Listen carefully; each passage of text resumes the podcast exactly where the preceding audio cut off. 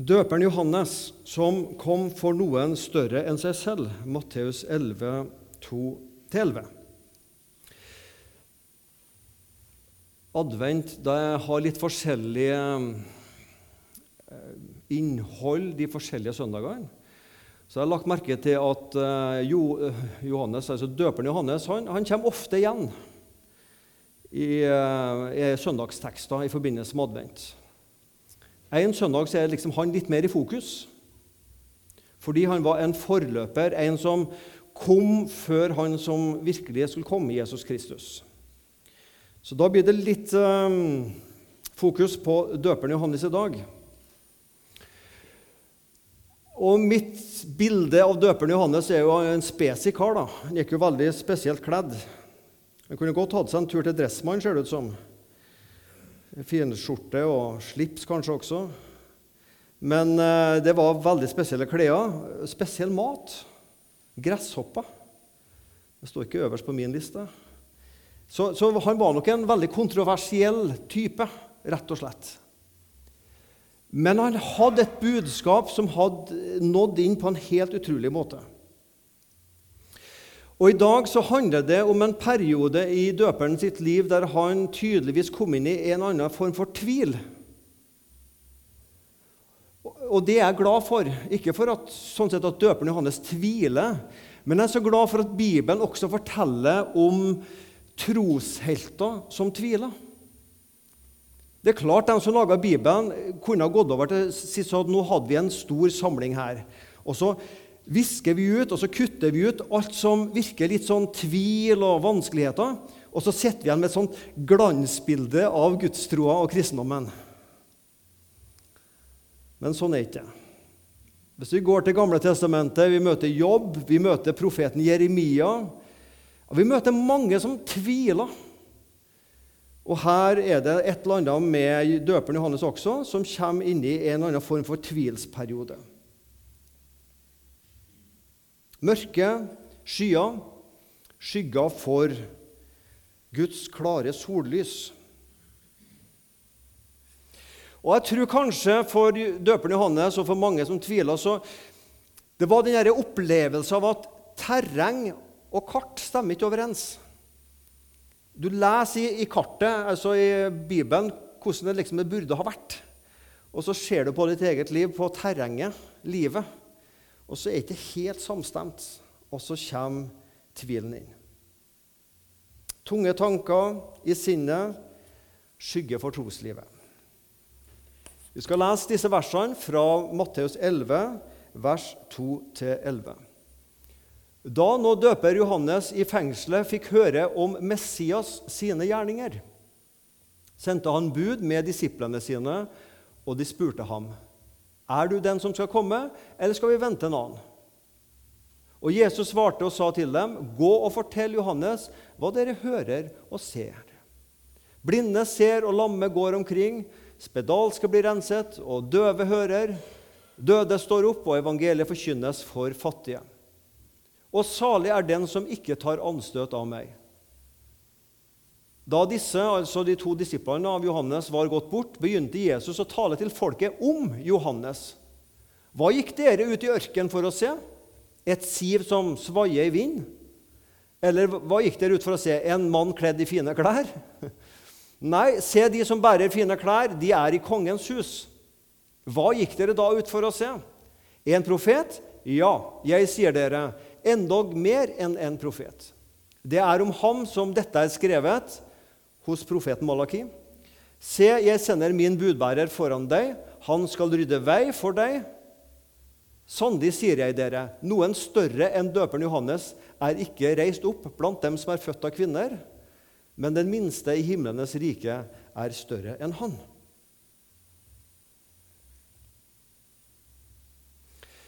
Johannes har kommet i en eller annen form for tvil.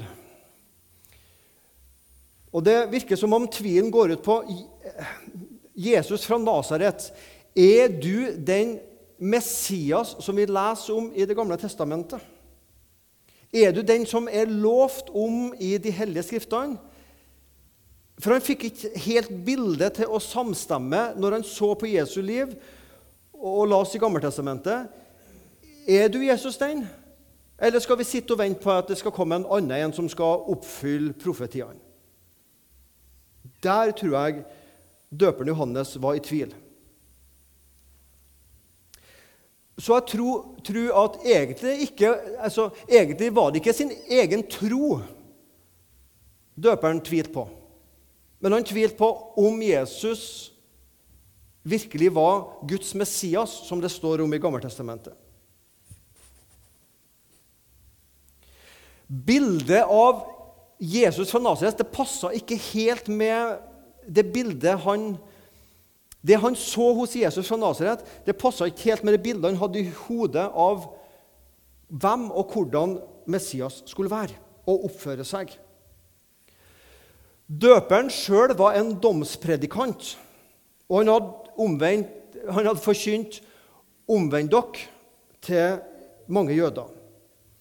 Og folket strømma til Johannes der med Jordanelva og ble døpt av han når de bekjente sine synder. Og Kanskje så levde da et håpe i døperen Johannes at Jesus også skulle være en sånn eh, domspredikant, sånn som meg. En som liksom virkelig eh, gnir litt salt inn her og får folket til å felle på sine knær og grine. og ja, men så var det så mye med Jesus som ikke helt stemte med det bildet han hadde av hvordan han tenkte at Messias skulle være. For Jesus helbreda mennesker, han forkynte om fred og om forsoning med Gud. Jo, altså, Det gjorde jo også døperen Johannes på en måte. Men Jesus var litt annerledes. Disippelen Matteus skriver dette her år 60, 70, 80 eller noe sånt etter Kristus. Så han skriver dette 30, 40, 50 år etter det skjedde. Og når Matteus skriver det, så vet jo Matteus at Jesus er Messias. Så Derfor skriver Matteus at døperen fikk høre om Messias sine gjerninger. Da når Johannes i fengselet fikk høre om Messias sine gjerninger. Matteus visste at det var Messias sine gjerninger, men det er ikke sikkert døperen Johannes den gangen i fengselet visste at det var Messias sine gjerninger. Jeg vet ikke. Så Derfor kan Matteus understreke at Jesus han helbreder, han driver med demonutdrivelser. Ja, hele Jesu liv og virke vitner om at han er Guds Messias. Hvem Jesus egentlig er. Bilde av Jesus, av det man ser og hører og leser om Jesus, og de tankene man hadde om hvordan Messias skulle være, det gikk ikke helt i hop hos Johannes. Og det går kanskje ikke alltid helt i hop hos oss heller. For vi alle har vi et bilde av Jesus, hvem han er, hvordan Jesus er. Og det bildet skal jeg utfordre bitte litt mot slutten av talen. Så går disse to disiplene til Jesus og spør da, er du den som skal komme, eller skal vi vente en annen. Det er det døperen lurer på. Og Jesus sier, 'Gå og fortell Johannes hva dere hører, og hva dere ser.' Og Hva er det disiplene til Johannes fikk oppleve og høre og se? Jo, blinde ser, lamme går omkring, spedalske blir renset, Døve hører. Ja, til og med døde står opp igjen. For rett før det her så hadde Jesus vekt opp eh, sønnen til kvinnen i Nain. Det skriver Lukas om. Ja, evangeliet forkynnes for fattige, og salig er den som ikke tar anstøt av meg. Det fikk disse to disiplene beskjed om å gå tilbake og fortelle Johannes. Og Jesus kunne ha fortalt enda mer. Fordi ikke bare det, men også eh, altså, Her nevnes det blinde ser og lamme går, spedalske blir friske, døve hører, og døde står opp igjen. Jesus kunne også sagt at stumme får talen igjen, og driver ut demoner av folk. Det var så mange ting som disiplene av Jesus og disiplene av Johannes hadde sett at Jesus hadde gjort som også døperen Johannes hadde sikkert fått med seg at Jesus gjorde. gå og minne Johannes på hva han har sett og opplevd.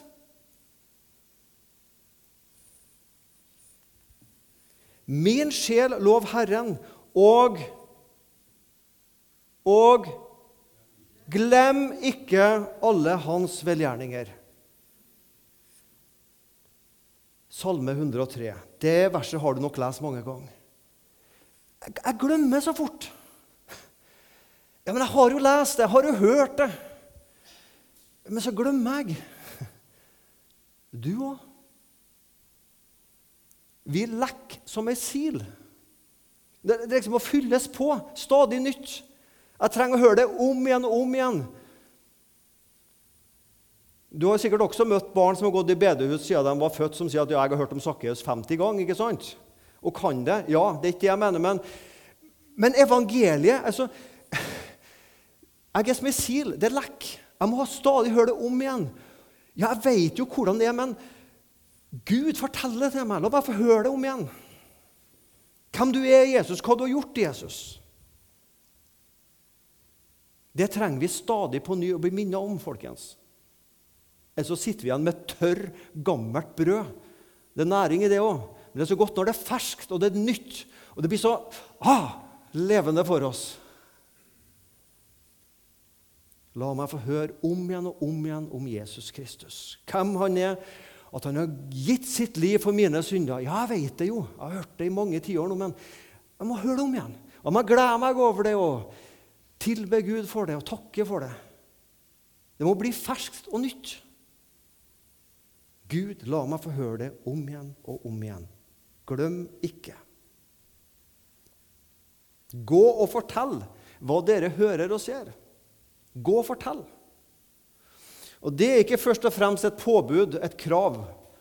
Nå må dere gå ut og fortelle når dere går ut av misjonssalen. Men det er en mulighet. Gå og fortell hva du har hørt og sett.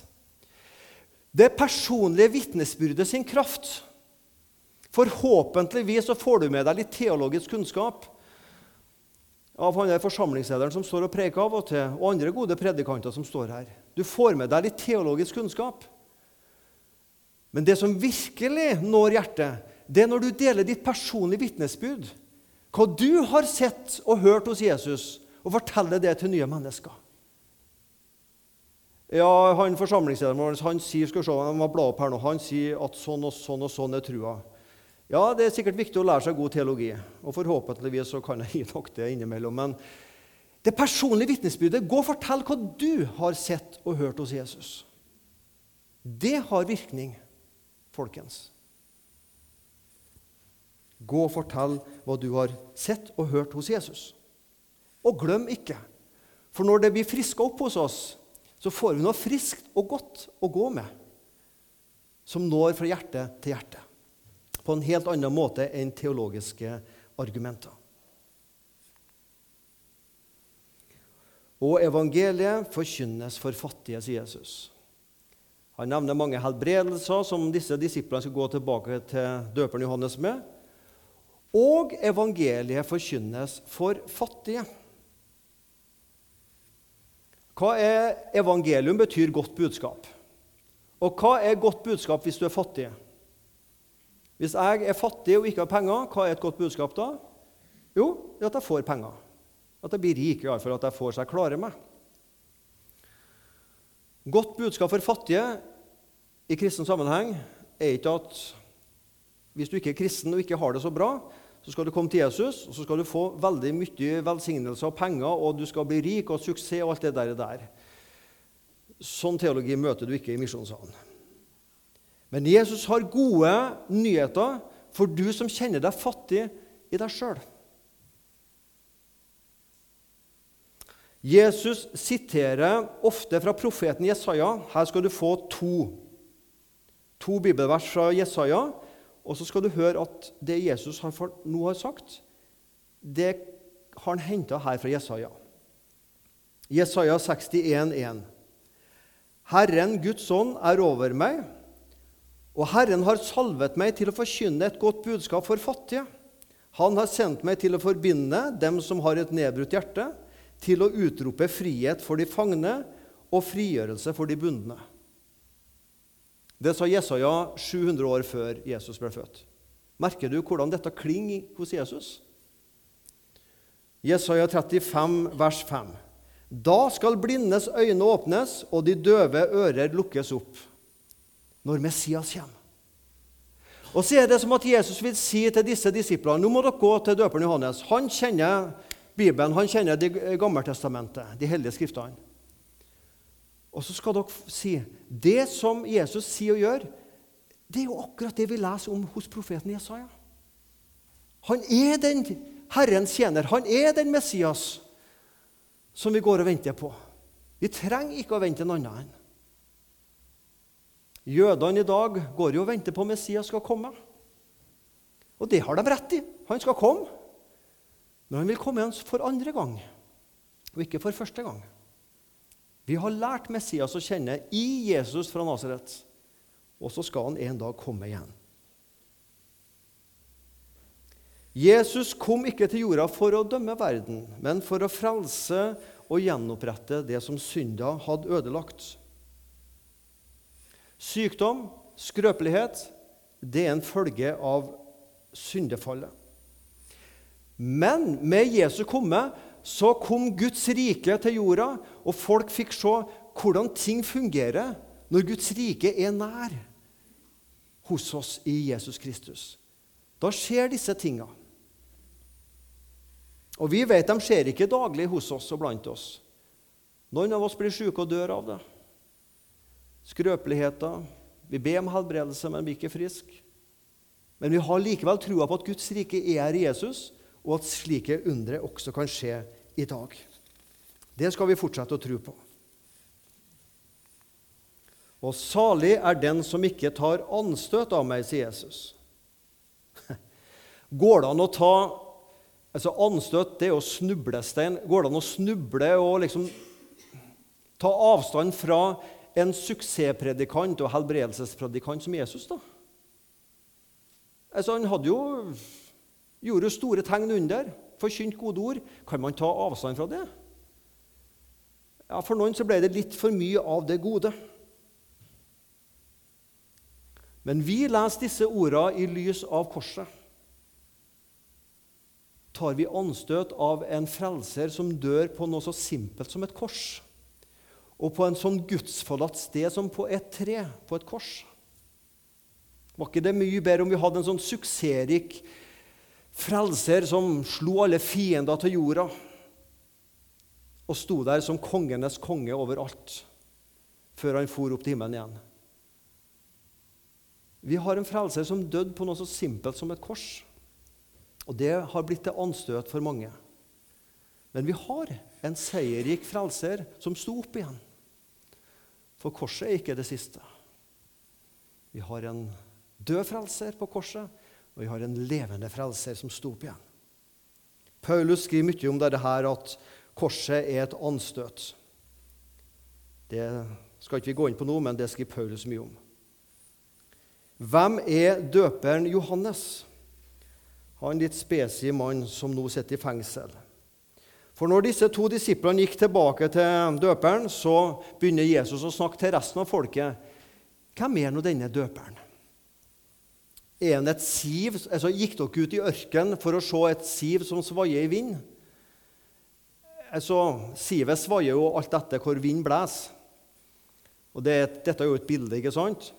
Er døperen Johannes et sånn ja, nå blåser vinden den veien, så nå mener jeg det. Og nå, nei, nå var folkemeninga en annen vei, så nå mener jeg det. En sånn opportunist som snur kappa etter vind. Nei. Ja, han hadde en kamelhårkappe, Johannes, men han snudde ikke kappa etter vind i overført betydning. Kompromissets vei var ikke døperen Johannes sin vei. Gikk dere ut i ørkenen for å se en, en med mye penger i banken og suksess og flotte klær? Hvis dere gjorde det, så ble dere skuffa, folkens, vil Jesus si. Nei, dere gikk ut for å se en profet. Ja, mer enn en profet.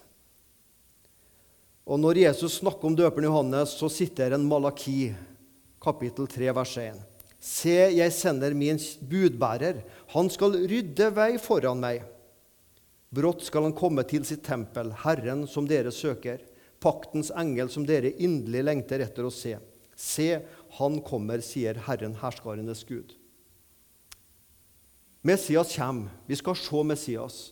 Men før han kommer, så skal det liksom være en sånn Før veien blir rydda, så må det være en snøplog som får vekk snøen, for å være i det bildet.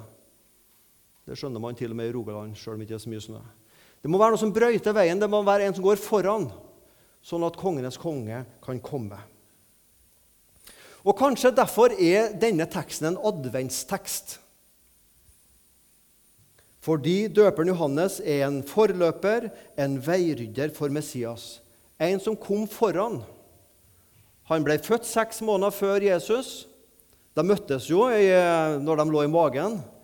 Døperen Johannes i Elisabeth sin mage og Jesus i Maria sin mage. Og så møttes de der. Det skriver Lukas om i kapittel 1. Han var en veirydder. Han kom for noe større enn seg sjøl. Det var ikke for sitt eget ettermæle og for at det skulle skrives store, fine bøker om seg sjøl Johannes kom. Men han, han levde for en større hensikt å rydde vei for Messias. Tenk å bli huska for det. Han var den som peka på Jesus. Se, der er Guds lam som bærer verdens synder. Det er det vi husker Johannes for. Han med den store pekefingeren. Han som sa 'Jeg skal avta', og Jesus, han skal vokse. Nettopp derfor er Johannes stor. For han var ikke storkar i seg sjøl, men han kom for Jesus. For et forbilde for meg, og sikkert for deg også. Det er ikke meg det handler om, men kan mitt liv være sånn at folk ble kjent med Jesus og ble mer glad i Jesus? Så venner jeg, om de husker meg og deg, bare Jesus ble stor. Ja. Jeg skal avta. Jesus skal vokse. Jeg trenger å øve, sier det sannelig. Og kanskje flere med meg. Det er noe likhetstrekk mellom døperen Johannes og Jesus. De var i slekt. Om de var tremenninger eller noe sånt, det betyr ikke så mye, men de var i slekt. Det kan du lese om i Lukas kapittel 1. Og begge to hadde levd for en større hensikt enn seg sjøl. Døperen Johannes han levde for Jesus, at han skulle bli stor. Og Jesus han levde for en større hensikt, at du og jeg skulle bli frelst. Det var derfor han kom. For å frelse den minste av alle på jord for at den minste på jord kan bli større enn døperen Johannes. Den største født blant kvinner. Og De fleste jeg kjenner som jeg møter, dem er født blant kvinner. Så døperen Johannes liksom, han er den høyeste, sier Jesus, av alle. Men sjøl den minste skal løftes opp og bli større enn døperen Johannes. Og vi løftes opp i Jesus Kristus. De var i slekt, de levde begge for en større hensikt enn seg sjøl. Begge kom i tvil. Visste du det, at Jesus tvilte? Her leser vi om døperen Johannes sin tvil. Men Jesus tvilte også. Getsemane. Far, er det mulig, så la meg slippe. Det er jo det han ba om. Vi husker jo ofte det han sa til slutt. Ikke som jeg vil, men som du vil. Men det han ba om, det var jo å slippe. Han kom i tvil om klarer jeg dette her. Tenk også Jesus hadde en menneskelig side der. Og begge to, både døperen Johannes og Jesus, ble drept av folk som hata dem. Mange likhetstrekk.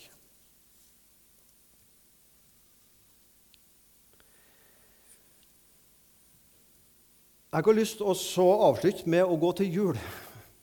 Nå skal ikke jeg holde noe juletale i år, så de siste minuttene blir min juletale til dere. Da starter vi med 1. desember og adventskalender. Og nå lurer du sikkert på hva er likhetstrekket mellom adventskalenderen og døperen Johannes. Og det skal jeg svare deg på. Det vet ikke jeg heller, for det er ingen likhetstrekk. men 1. desember så starter ikke du og meg, men barna våre å åpne luka. Fordi vi teller ned til Jesus kommer 24.-25. desember. Det er en god juletradisjon å gi med glede. Gud har åpna ei luke med den største av alle gavene. Jesus Kristus. Han som ble sendt fra himmelens høye slott ned til vår arme jord, som det heter i en julesang. Gud er spesialist på dette å gi. Det ligger i Guds egen DNA å gi framfor å få. Og Det er noe av det som skiller Gud og oss mest. For i mitt DNA så ligger det ikke et primært et ønske om å gi, men om å få. Jeg har dårlige nyheter til deg. Det ligger også i ditt DNA. Hvis jeg legger en tusenlapp frampå fram på bordet her, og så sier jeg til deg Velg om du vil ta den tusenlappen, eller om du vil gi den. Og så er det ingen andre i salen som ser på. Men det er kun du. For oss så ligger det mer naturlig og selvfølgelig vil jeg ha tusenlappen istedenfor å gi den. Og så sier Jesus det er mer saligere å gi enn å få. Det er så motsatt av meg. Gud er annerledes, men i Guds DNA så ligger det å gi. Johannes 3, 16. Så på denne måten elsket Gud verden at han gav.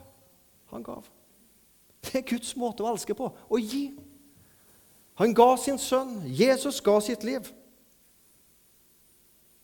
Gud sin egen sønn oss gav nå ved juletide. Derfor går et lovsangshav over verden vide. Derfor fra det høye kor lyder det her nede. Gi, det er din sak på jord. Gi og gi med glede. Julaften, jula. Nå skal du være med på et lite tankeeksperiment. Tenk på jula som den krybba Jesus ble lagt ned i. Jesus ble lagt i et eller annet sånn som dyra spiser. La oss si det er ei krybbe. Og så putter vi alt vi kan av jul vi forbinder med jul, oppi denne krybba, som skjer før julenatt. Hva er det vi putter oppi? Vi putter oppi ribbe, vi putter oppi pinnekjøtt, marsipan, multekrem Nå må jeg snart smøre, tørke meg rundt munnen her.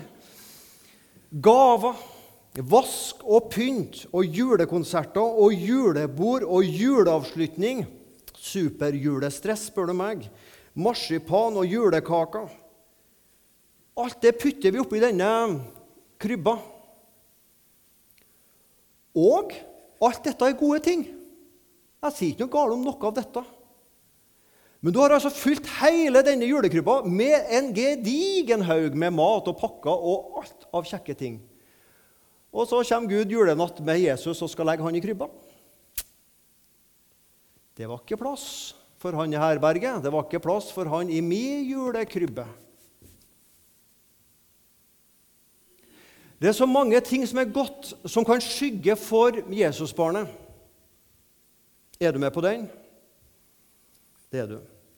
Men nå skal jeg ta den litt lenger. For er det noe som har stoppa meg i advent i år, så er det følgende tanke.